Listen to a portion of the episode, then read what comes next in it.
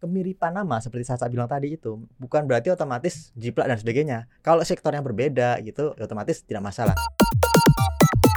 Yang menjadi pertanyaan dari pihak financial terbit teknologi ini sebetulnya apa sih yang dirugikan gitu loh dengan adanya nama yang sama gitu dan pertanyaannya juga oleh masyarakat kenapa baru sekarang?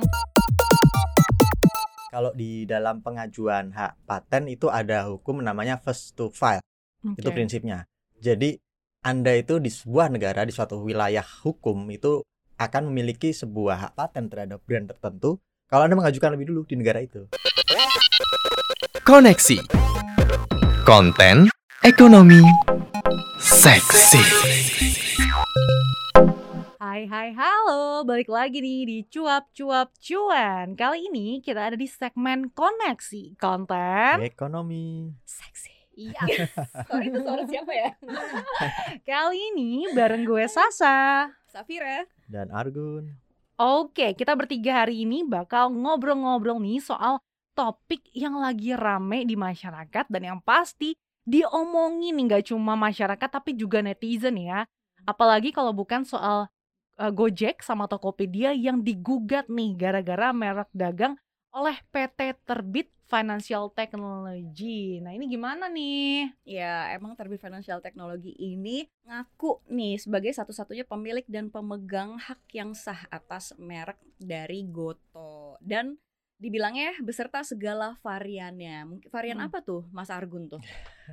Ya dia sudah menganggap udah memiliki brand Oh. GoTo. Dia udah mendaftarkan itu ke ke apa namanya Dijen hak eh, DJKI. ya hak atas kekayaan intelektual dan kemudian menganggap bahwa semua penggunaan komersil terkait dengan istilah GoTo kemudian apa pun simbol-simbol yang mengindikasikan atau memiliki kesamaan dengan GoTo itu jadi hak milik dia secara ini apa ya komersil dagang.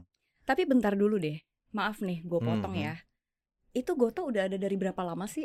Nah, kalau PT Financial Terbit Technology itu udah dari uh, Maret 2020. Goto- Sedangkan kalau versi Gojek sama Tokopedia Hmm. itu dari Maret 2021. Nah, kalau secara kasat mata ya, sebenarnya ngebedain itu dari segi penulisan, guys. Jadi kalau GoTo versi Oh. Terbit Financial Technology itu dia hurufnya capital semua. Kalau ini T-nya doang gede ya. Iya, tapi Hmm. kalau versi Gojek sama Tokopedia jadi huruf G sama T-nya yang gede. Tapi kan Hmm. penyebutannya juga sama-sama GoTo. Jadi mungkin itu kali ya yang dirasa dirugikan oleh PT Terbit Financial Technology sampai-sampai menggugat pihak GoTo versi Gojek Tokopedia sampai 2,08 triliun cuy. Hmm. Gede itu. Kenapa baru sekarang sih tapi?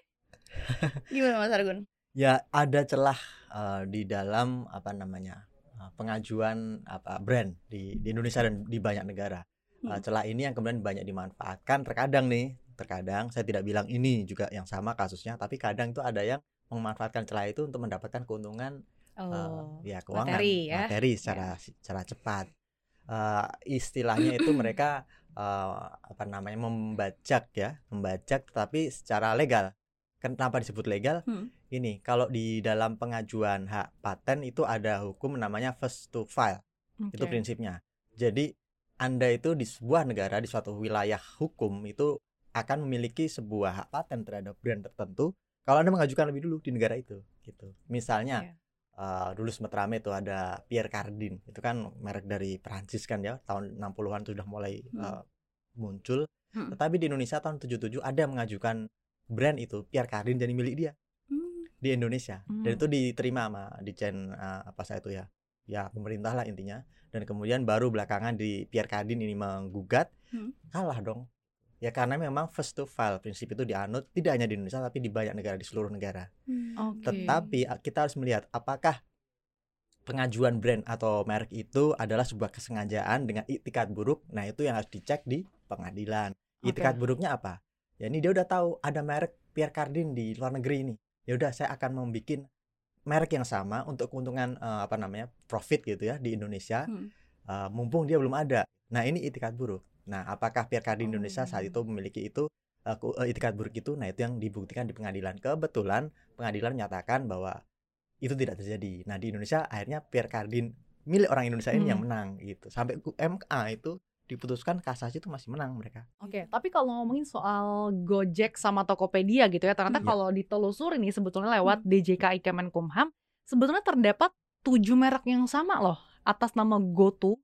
Jadi dari Hmm. tujuh merek tersebut ada tiga nih yang didaftarkan oleh PT Aplikasi Karya Anak Bangsa atau Gojek Hmm. gitu. Jadi memang kayaknya eh, yang penting beda merek dagang dan kalau nggak salah tuh ada kelas-kelasnya masing-masing. Jadi meskipun namanya sama, tapi yang penting eh, industri bisnisnya tuh berbeda. Yang penting karena kan kalau eh, PT terbit Financial Technology ini kalau yang gue baca itu dia lebih ke e-commerce gitu. Nah Hmm. kalau Gojek atau Tokopedia ini kan lebih luas kan industri bisnisnya. Hmm. Ya tapi kalau misalkan eh, si pihak Gotonya si Gojek dan Tokopedia ini dia juga yakin sih sama sama posisi dia saat ini gitu dan Ya. emang dia mau fight gitu. Mungkin emang tapi gue jujur gue takut ya kalau misalkan mau ngomong si pihak yang ngegugat nih maksudnya apa sih tanda kutip gitu Hmm. kan karena emang buat Go, Goto yang Tokopedia, Gojek dan Tokopedia kan juga nggak main-main nih masalah Ya. gitu. Makanya dia emang bener-bener oh ya udah fight kita buktikan aja di pengadilan gitu. Jadi kayak Mm-mm. sama-sama kayak bukan kekeh juga sih sama-sama yakin sama pendirian hukumnya dia gitu. Iya, karena sama-sama sudah tercatat. Nah, yang menjadi Mm-mm. pertanyaan dari pihak financial terbit teknologi ini sebetulnya apa sih yang dirugikan gitu loh dengan adanya nama yang sama gitu dan pertanyaan juga oleh masyarakat kenapa baru sekarang toh juga nama GoTo tuh sudah mencuat nggak baru-baru ini gitu tapi memang baru tercatat di uh, pengadilan kan memang awal bulan ini gitu nah pertanyaannya kenapa nih baru sekarang terus emang apa sih yang dirugikan gitu karena kan uh, mereka menggugat dari segi imaterial dan juga material yang totalnya nggak main-main sampai 2,08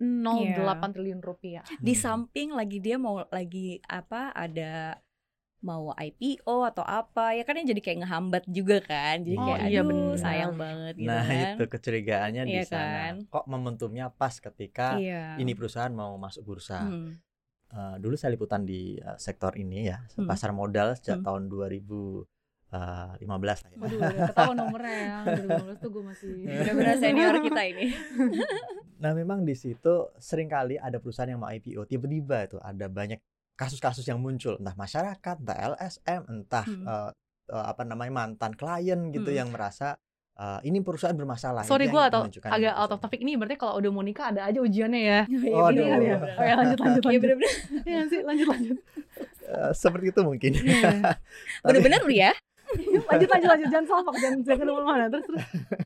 Jadi ya memang eh, polanya seperti itu. Jadi kalau ada perusahaan yang ingin IPO itu kan dia ingin Hmm. menunjukkan ke publik bahwa dia sahamnya bagus, layak untuk dijual.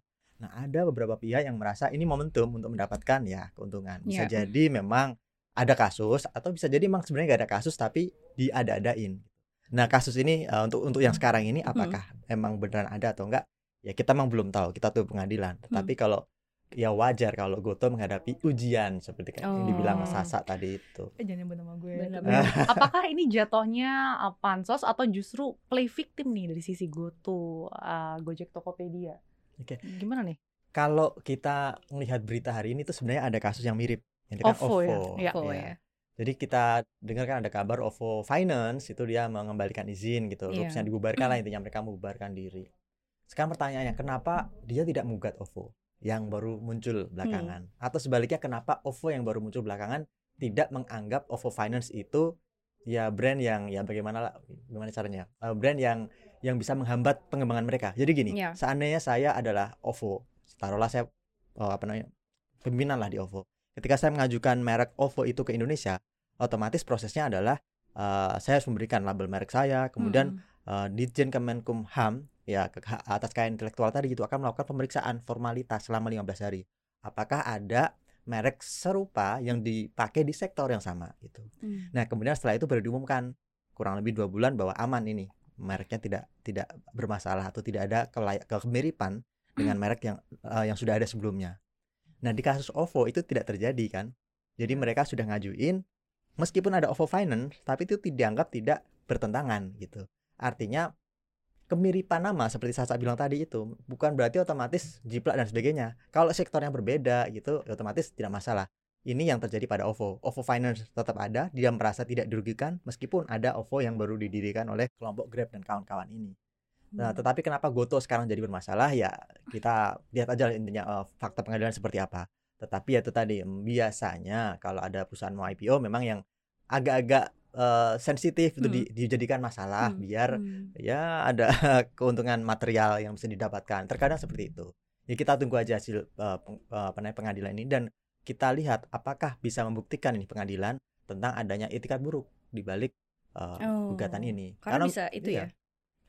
Ini kan sebenarnya tercatatnya kan uh, udah jelas ya. Uh, GoTo juga pihak Gojek Tokopedia sudah jelas menegaskan uh, mereka juga tadi seperti Safira bilang bakal fight dan dari segi industri bisnis juga beda. Nah, tapi kalau misalkan dibuktikan nih ke pengadilan misalkan nanti kira-kira kebaca nggak sih endingnya akan seperti apa atau mungkin pernah ada cerita yang pernah terjadi di Indonesia juga gitu terkait dengan kesamaan merek ini gitu. Karena kalau kita lihat kan dua-duanya nih posisinya sama-sama kuat gitu, sama-sama Hmm. tercatat dan secara legal gitu di Kemenkumham gitu Mas Argon. Iya, dulu itu pernah kasus yang agak mirip apa ya? eh, mungkin yang yang paling ini aja deh, yang paling frontal, yang paling jadi apa namanya milestone atau diingat banyak orang.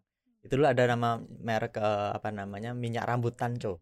Kalau nggak tahu. Tahu gue. waduh, Eh, kok gue tahu nggak kan? tahu ya? Ya, itulah Ini- pokoknya. Ini tahu angkatan berapa Sasa? Sasa angkatan berapa? Nggak tahu. beda beda generasi kayaknya. Sasa. Iya. Jadi Tanco ini sa- itu merek eh, minyak rambut pria cowok. Jadi waduh, orang dulu itu kalau pakai Tanco tuh Keren. keren, klimis rambutnya. Ganteng Tan- wes. Ganteng. Nah, itu nih yang produksi itu Jepang gitu. Tapi di Indonesia yang mengajukan mereknya lebih dahulu ada perusahaan namanya Tanco juga.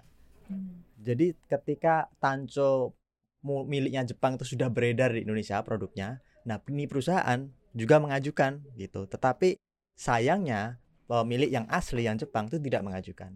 Makanya yang diterima sama Dijen eh, Haki Kemenkumham saat itu adalah ya produk Tanco brandnya milik yang Indonesia version ini.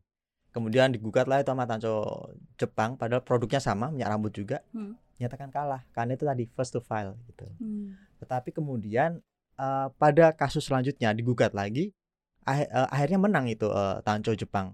Karena Hmm. mereka bisa menunjukkan bahwa ada ya tadi ada semacam itikat buruk yang terjadi ketika eh, mereka mohon maaf nih Tanco yang di Indonesia ini tahu bahwa ada produk yang sangat terkenal Hmm. dan itu belum didaftarkan mereka ngedaftarin dulu. Nah, itu yang bisa dibu- dibuktikan bahwa ya yang sudah ada dulu adalah Tanco Jepang. Kemudian ya berarti Anda mendaftarkan merek itu dengan itikat buruk. Nah, itulah yang kemudian me- membalik sit- situasi. Tiba-tiba Tanco Jepang yang kemudian menang dan Tanco Indonesia mereknya harus dibatalkan. Oke. Nah, itulah yang mungkin jadi eh, pelajaran ya buat pelaku industri di Indonesia. Pertama, kalau Anda eh, memiliki merek dagang, ya otomatis langsung didaftarkan, jangan nunggu sebulan dua bulan gitu. Karena ini bisa membuka peluang, ini terutama sobat cuan yang udah mau jadi wirausahawan iya. ya, membuka peluang untuk didaftarin orang dulu gitu. Bahkan ke- dulu waktu Hmm. Goto itu diluncurkan, kan udah ada tuh Instagram Goto Finansial, Iya, banyak banget Iya. atau website hostingnya namanya Goto Finansial. Yaitu mereka emang mencari keuntungan dengan ya udah saya bikin dulu nanti pasti dicari dan nanti saya akan jual dengan harga tertinggi ibaratnya gitu. So dulu CNBC Indonesia juga sempat gitu ketika CNBC Indonesia mau diluncurkan Hmm, udah ada tuh hosting yang pakai nama itu gitu Hmm. tapi kemudian ya yang bikin mahasiswa gitu. Oh. Nah, Oke. hal-hal seperti itu banyak terjadi di uh, industri gitu, uh, modern sekarang ini. Jadi kalau teman-teman sobat cuan mau bikin usaha, ya merek dagangnya itu sebisa mungkin didaftarin nggak mahal kok. Setahu saya nggak nggak nyampe uh, 5 juta dan sebagainya. nggak. Prosesnya susah kali.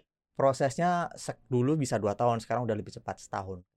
Jadi Hmm. prosesnya itu label merek diajuin, kemudian ada bukti pembayaran pendaftaran ya, kemudian pernyataan kepemilikan merek dan bukti prioritas kalau mereknya ini tidak sama dengan ya negara di negara lain dan sebagainya. Hmm. Baru kemudian 15 hari itu diperiksa sama Kementerian Hukum HAM Hmm. dan setelah itu eh, dicek ada gak eh, merek yang sama di sektor industri yang sama. Kalau enggak aman ya sudah eh, pemohon di apa diterima dan kemudian Kemenkumham memberikan pengumuman ada merek ini loh gitu. Nah ditunggu kalau dalam sekian waktu itu kurang lebih berapa dua bulan tuh nggak ada yang mengklaim bahwa eh, brand itu milik dia akan diloloskan seperti itu. Jadi kurang lebih ya satu tahun lah itu prosesnya. Jadi ya begitu yang dinamikanya. Kalau misalnya kita abai dengan itu, ya bisa jadi kasus-kasus seperti ini akan dihadapin. Mas tadi kayak lu beberapa beberapa kali mention ya ini ada niat buruk gitu, ada maksud tertentu. Nah itu eh, memverifikasinya si orang itu ada niat buruk tuh eh, gimana ya? Emang itu secara tertulis, secara dokumen-dokumen atau seperti apa gitu? Kan Ya. maksudnya secara ada Bisa ni- ada niat buruk, mana, ada niat buruk kan mungkin nggak kelihatan atau dari data-data iya ya, yang eh, eh, mungkin ya. indikatornya apa yang memverifikasinya kayak oh ini lo ada niat tertentu, lo nggak pure bla bla bla gitu. Kayak itu gimana ya? Iya, nah itulah yang menjadi celah pertarungan di pengadilan.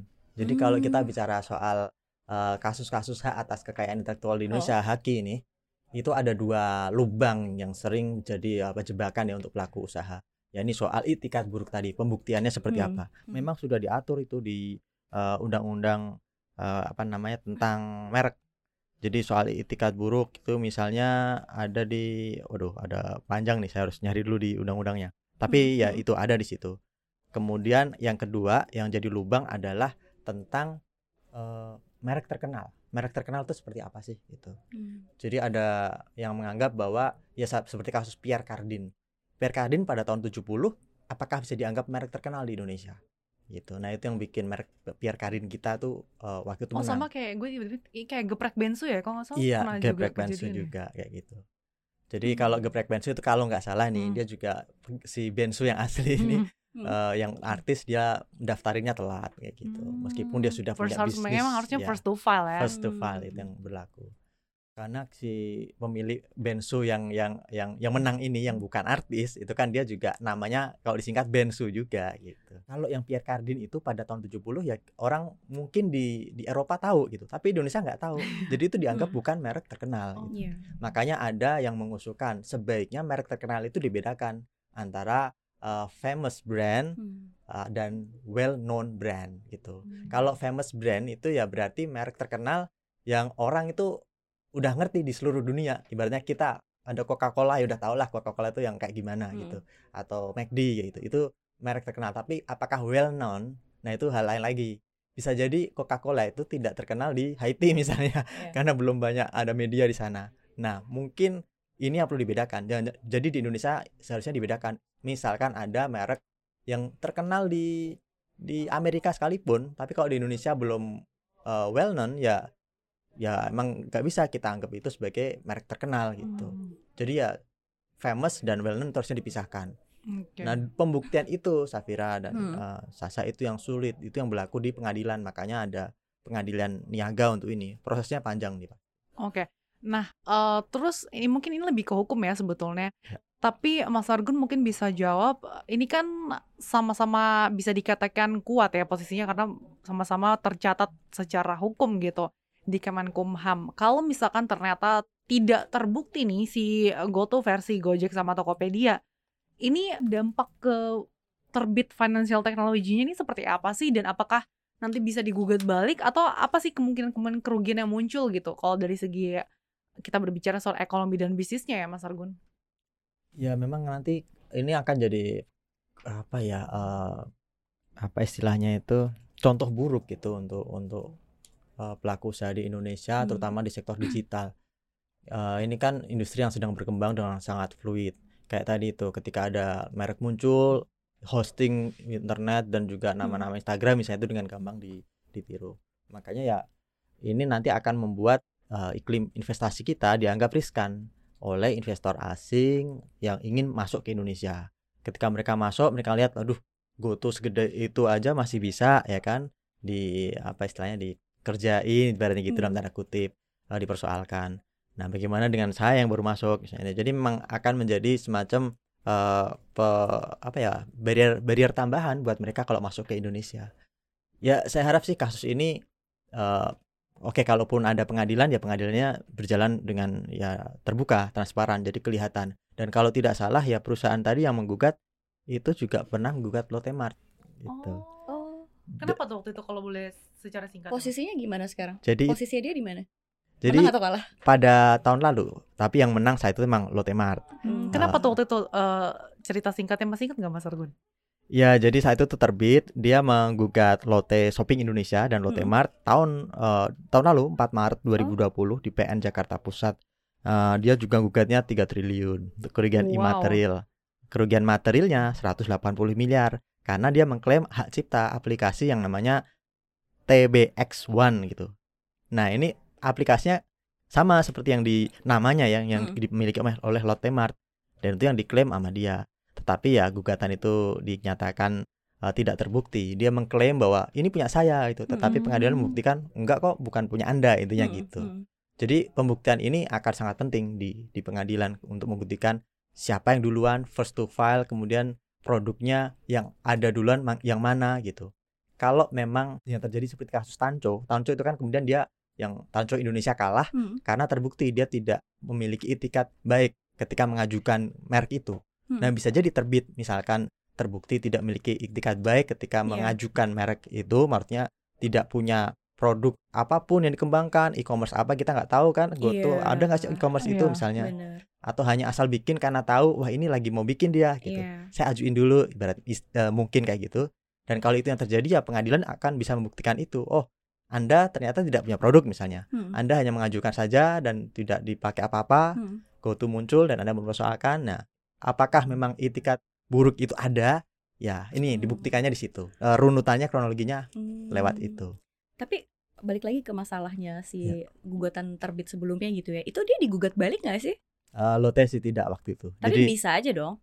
em, kalau gugat balik itu malah kejadian di Tanco. Hmm. Yang di Tanco itu karena pengacaranya saya itu pengacara kondang nih. Eh, saya Sebutin itu dong.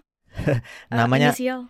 Yap Tiam Hin almarhum. Beliau ini kalau Hmm. teman-teman eh, sobat cuan ingat soal hak asasi manusia, Hmm. nah beliau ini pengacara soal HAM di Indonesia. Makanya ini nama besar nih. Yap Tiam Oh, Hin. oke. Tapi Hmm. beliau saya itu mewakili Tanco yang milik orang lokal orang Indonesia. Hmm, hmm, Sementara Tanco Jepang itu diwakili Bung Adnan Buyung Nasution. Jadi hmm. Oh. jadi dua dua pengacara ini yang bertarung. Nah, rame waktu itu. Jadi waktu pertama putaran pertama eh, almarhum Yap Tiam Hin ini yang Hmm. menang. Tapi putaran kedua yaitu tadi Adnan Buyung Nasution bisa membuktikan bahwa ada itikat tidak baik ketika Tanco yang di Indonesia Hmm. mengajukan merek tersebut gitu. Karena produk yang sama dari Jepang udah ada di sini gitu. Jadi ada eh, lapor balik, gugat balik Saat gitu. itu Yap Tiam Hin dia Hmm. gugat balik ke Adnan Buyung dan kawan-kawan Hmm.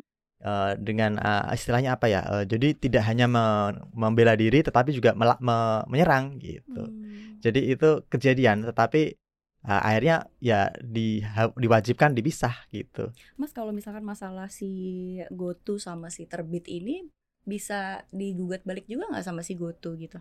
Gugatan balik s- Karena udah lu merugikan saya yang lagi mau eh, mengembangkan bisnis dan jadi gimana tuh menghambat semuanya gitu. Kan otomatis pasti iyalah keganggu.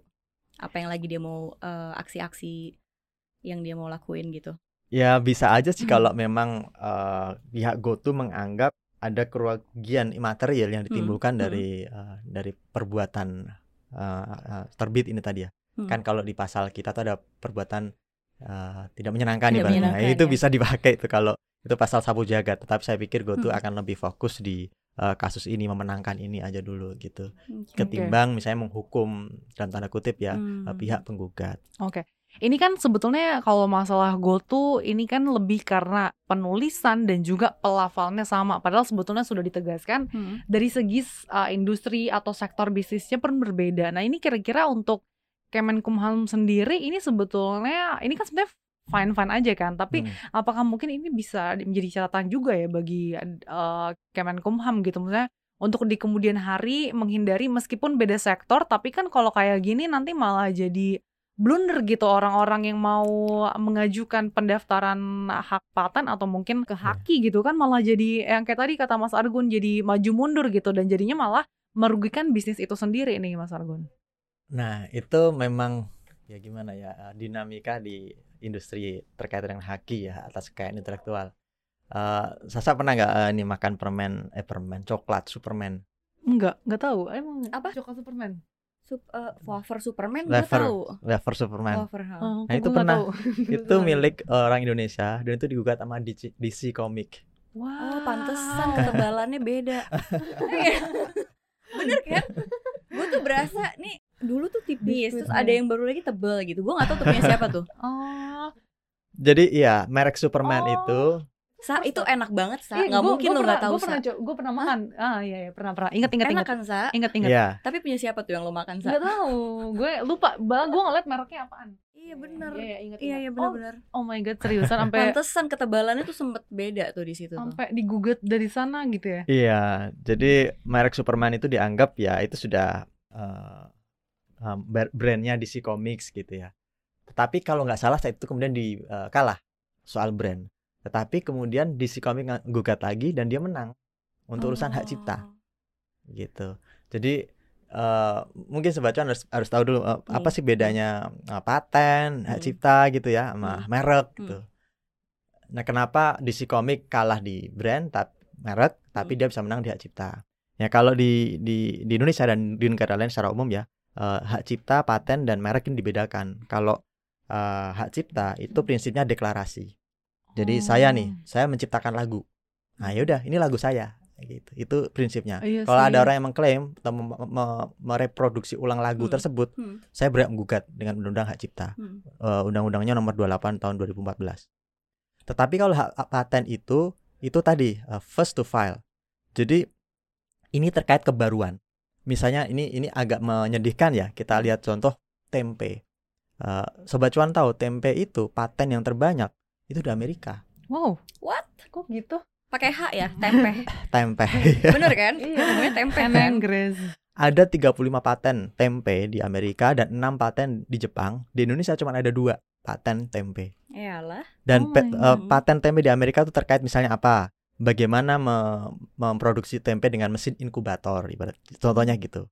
Nah, kalau kita di Indonesia bikin tempe dengan metode yang sama, kita bisa kena gitu. Karena kita melanggar hak paten dia. Karena itu udah dia klaim bahwa ini temuan baru dan ini Hmm. saya yang bikin punya gitu. Sama seperti McD gitu kan. McD Hmm. itu pu- patennya ada di mana?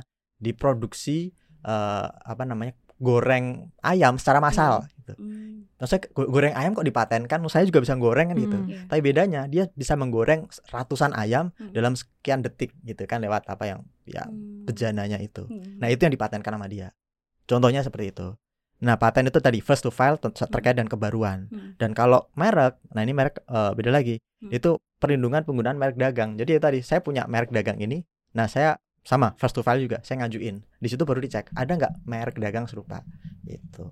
Jadi ketika DC Comic gugat, dia memang menganggap di Indonesia belum ada merek Superman yang dia ajukan di eh, Ditjen Kemenkumham di Indonesia gitu. Makanya brand Superman itu di Indonesia sah dan dia bukan toko komik, tapi Oh. dia wafer gitu loh. Iya, iya. gitu ya. Tetapi kalau bicara soal hak cipta, ya kan, ada figur Superman yang punya Iya. sayap Iya. ya dan pakai Hmm. itulah Hmm. cawat dan sebagainya. Ternyata itu juga nongol di wafer tersebut gitu loh. Dan Iya. itu memiliki kemiripan dan itu yang menurut dianggap melanggar hak cipta. Akhirnya itu yang dibatalkan. Kalau nggak salah sekarang wafer Superman agak berubah deh gambarnya. Gitu. Ketebalannya juga berubah. Tapi tetap panjang ya. Tetap Iya, panjang. pokoknya lo paham lo Fir lo yang paham lo oh, Karena oke. suka banget sumpah enak banget itu wafer. Iya. Mas, kita balik lagi nih ke GoTo dan si terbit gitu ya. Kalau Hmm. misalkan ini sudah misalkan masuk ke pengadilan gitu, mungkin nggak sih yang ngeluarin pihak regulator itu menengahi kan secara dia yang kasih oke lo oke dapat nama oke lo dapat nama dua-duanya gimana kalau misalkan gue jadi si yang mengeluarkan eh, izin Heeh. itu kalau misalkan emang ada larangan gue pasti kasih tahu lo warning lo eh lo nggak bisa nih udah ada yang punya gitu. sebaca gue sih katanya DJKI akan memberikan atau menyerahkan sepenuhnya kepada pengadilan. Oh gue nggak tahu ya ini dibilang lepas tangan atau cuci tangan gue nggak tahu. Tapi kan apakah memang ada per- harusnya emang ada pernyataan dari Iya. mereka yang mengeluarkan atau gimana tuh? Sebenarnya pasnya tuh gimana sih pasnya idealnya idealnya Ya regulator itu kan dia menjalankan amanat undang-undang. Jadi undang-undangnya ada undang-undang paten, Mm-mm. undang-undang hak cipta, undang-undang merek Mm. gitu. Nah, untuk implementasinya di lapangan ya dia yang bekerja. Ya siapa yang mengajukan merek dan sebagainya daftar di dia. betul Jadi kalau uh, dia hanya bekerja mengikuti aturan undang-undang, kalau aturan undang-undangnya ada lubang, Mm-mm.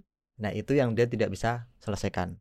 Itu harus diselesaikan di Hmm. pengadilan itu tadi. Hmm. Memang makanya pengadilan niaga ini sangat rame Hmm. ya karena emang ada lubang yang saya sebutkan tadi soal uh, itikat baik pembuktian. Ada nggak sih Hmm. itikat buruk gitu atau Hmm. sebaliknya itikat Hmm. baik ketika mengajukan uh, brand itu yang, yang sering jadi celah uh, sengketa di sini. Dan yang kedua soal itu tadi brand merek terkenal. Ada penafsiran ini bukan merek terkenal, ada yang menganggap oh ini merek terkenal. Terkenal dari mana? Orang Indonesia nggak semuanya tahu. Surveinya berapa mana gitu Iya. sering kali kayak gitu dan itu yang dua dua isu ini yang selalu jadi ini uh, jadi uh, makanan para pengacara di PN ya Hmm. Jakarta Pusat Pengadilan Niaga itu ya memang regulator hanya bisa menjalankan amanat undang-undang dan tugas yang diberikan. Amanatnya misalnya apa? Ketika ada yang mendaftarkan merek maka anda harus mengecek ya gitu. Adakah sebelumnya merek serupa di sektor yang sama itu tadi? Kalau nggak ada ya udah di- diberikan gitu. Mhm. atau sebaliknya eh, mungkin yang perlu dilakukan oleh regulator dalam hal Hmm. ini ya, ya Ditjen Kemenkumham adalah ketika ada pengajuan brand atau merek baru, Hmm. pastikan eh, ter apa namanya tersosialisasi. Kan tadi Oke. ada masa di mana brand yang sudah diterima itu itu diumumkan. Ini loh ada loh brand yang masuk di Indonesia gitu. Nah sekarang pengumumannya sering kali tidak di eh, media yang apa ya yang jangkauannya luas. Iya. Jadi yang tahu ya hanya mereka-mereka saja Mhm. gitu. Nah itu yang bikin eh, mungkin orang jadi sering miss dikiranya belum ada Hmm. padahal sebenarnya ada. Selama ini kalau kita mau ngecek merek ini udah ada atau belum, Hmm. kita nggak bisa di Google.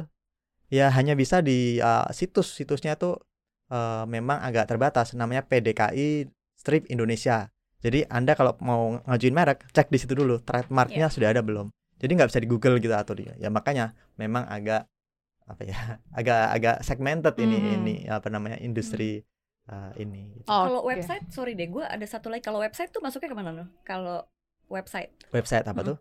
kayak Oh, misalkan gue, Hosting. iya gue punya website sendiri, nama gue gitu, Aha. apa segala macam tuh gimana? Itu Ya. jatuhnya apa? Eh, itu masuknya brand. Beda, Brand, beda ya. lagi ya, karena kan Mm. mesti daftar juga tuh.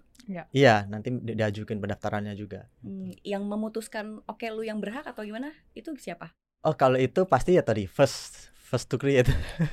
Oh, Jadi kalau ada yang bikin duluan, ya itu dia dianggap miliknya gitu. oh soalnya sem- sempat yang masalah website ini ada kayak ada masalah gitu sih Hmm. antara artis satu dan artis dua gitu. Nah, gue Mm-mm. nggak tahu sih kalau misalkan end up-nya itu masuk ke ranah mana gitu kalau Hmm. yang si website itu ataukah hak cipta juga atau gimana itu atau masih disahkan juga kayak gitu-gitu sih. Oke. Ya memang ini spektrumnya agak berdekatan gitu. Iya, Bisa iya, jadi iya, iya, iya. mas hak cipta kayak kasus Hmm, permen hmm, tadi hmm, ya, hmm. wafer atau langsung brand merek gitu. Kalau Hmm, hmm. memang eh, nama eh, hosting web itu tadi sudah menjadi brand Hmm. milik artis tertentu, Iya. ya bisa jadi dia mengajukan pasal berdasarkan undang-undang eh, eh, brand itu ke pengadilan ke yang mereka dianggap bikin yang serupa atau meniru itu. Oke. atau ya bisa jadi uh, kalau kita bicara soal hak cipta bisa juga di situ dijalankan gitu Hmm. makanya ini agak agak spektrumnya agak luas agak ber, ber, ber, ber- apa namanya berhimpitan jadi Oke. kadang kedua undang-undang itu dipakai gitu salah atau cuma salah satunya gitu. Oke, jadi meskipun ringan tapi ini riskan banget ya kalau misalkan itu jadi mungkin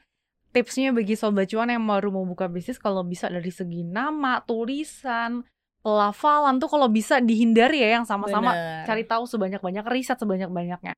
Eh, Oke, Les Sobat Cuan terlepas dari siapa nih yang salah dan juga benar, kita nantikan saja seperti apa hasilnya di pengadilan. Eh, ini juga jadi pembelajaran juga buat kita semuanya Sobat Cuan dan eh, utamanya mau buka bisnis ya. Iya. Oke deh kalau gitu mungkin karena durasinya terbatas banget nih kali ini dengerin Oh, terus banget. ya podcast cuap cuap cuan di Spotify, Apple Podcast dan juga Google Podcast. Dan juga follow Instagram cuap cuap cuan di @cuap underscore cuan. Lalu subscribe YouTube channel kita di cuap cuap cuan. Jangan lupa di komen, di like, terus di share. Oke deh kalau gitu saya Sasa. Safira pamit. dan Argun Kita pamit sampai jumpa di cuap cuap cuan di segmen koneksi berikutnya. Dadah. Dah. Wah.